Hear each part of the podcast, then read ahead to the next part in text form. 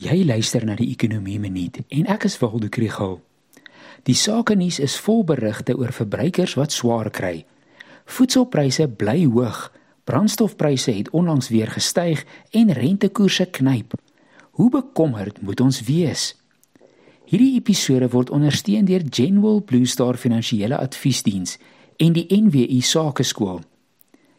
Presies hoe dit met die deursnee verbruiker gaan, is nie maklik om te bepaal nie.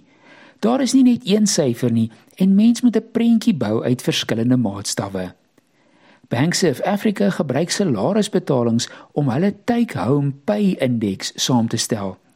Volgens Desember maand se data is die gemiddelde maandelikse salaris rondom R15500 en dit het amper onveranderd gebly verlede jaar. As mens die impak van inflasie in ag neem, is huishoudings se koopkrag dus amper 6% minder. Hierdie salaris en inflasiekoers is gemiddeldes en afhangend van die mandjie van goedere en dienste wat mense verbruik, het pryse verlede jaar met heelwat meer gestyg as 6,9%.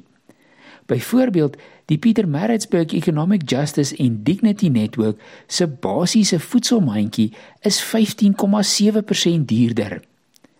Dan is die vraag waar verbruikers se skuldvlakke staan. Kredietverlening aan die private sektor het verlede jaar stadig gestyg, wat wys dat hoë rentekoerse dit duur gemaak het om nuwe skuld te maak. Data van die nasionale kredietreguleerder wys dat huishoudings se skuldvlakke is nog laer as wat dit was voor die COVID-19 pandemie.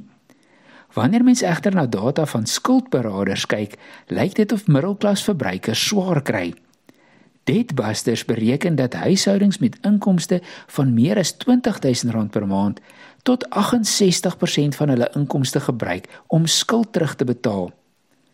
Altesaam is dit duidelik dat verbruikers kwesbaar is en besighede wat staat maak op ons ekstra besteding hierdie jaar gaan ook onder druk wees.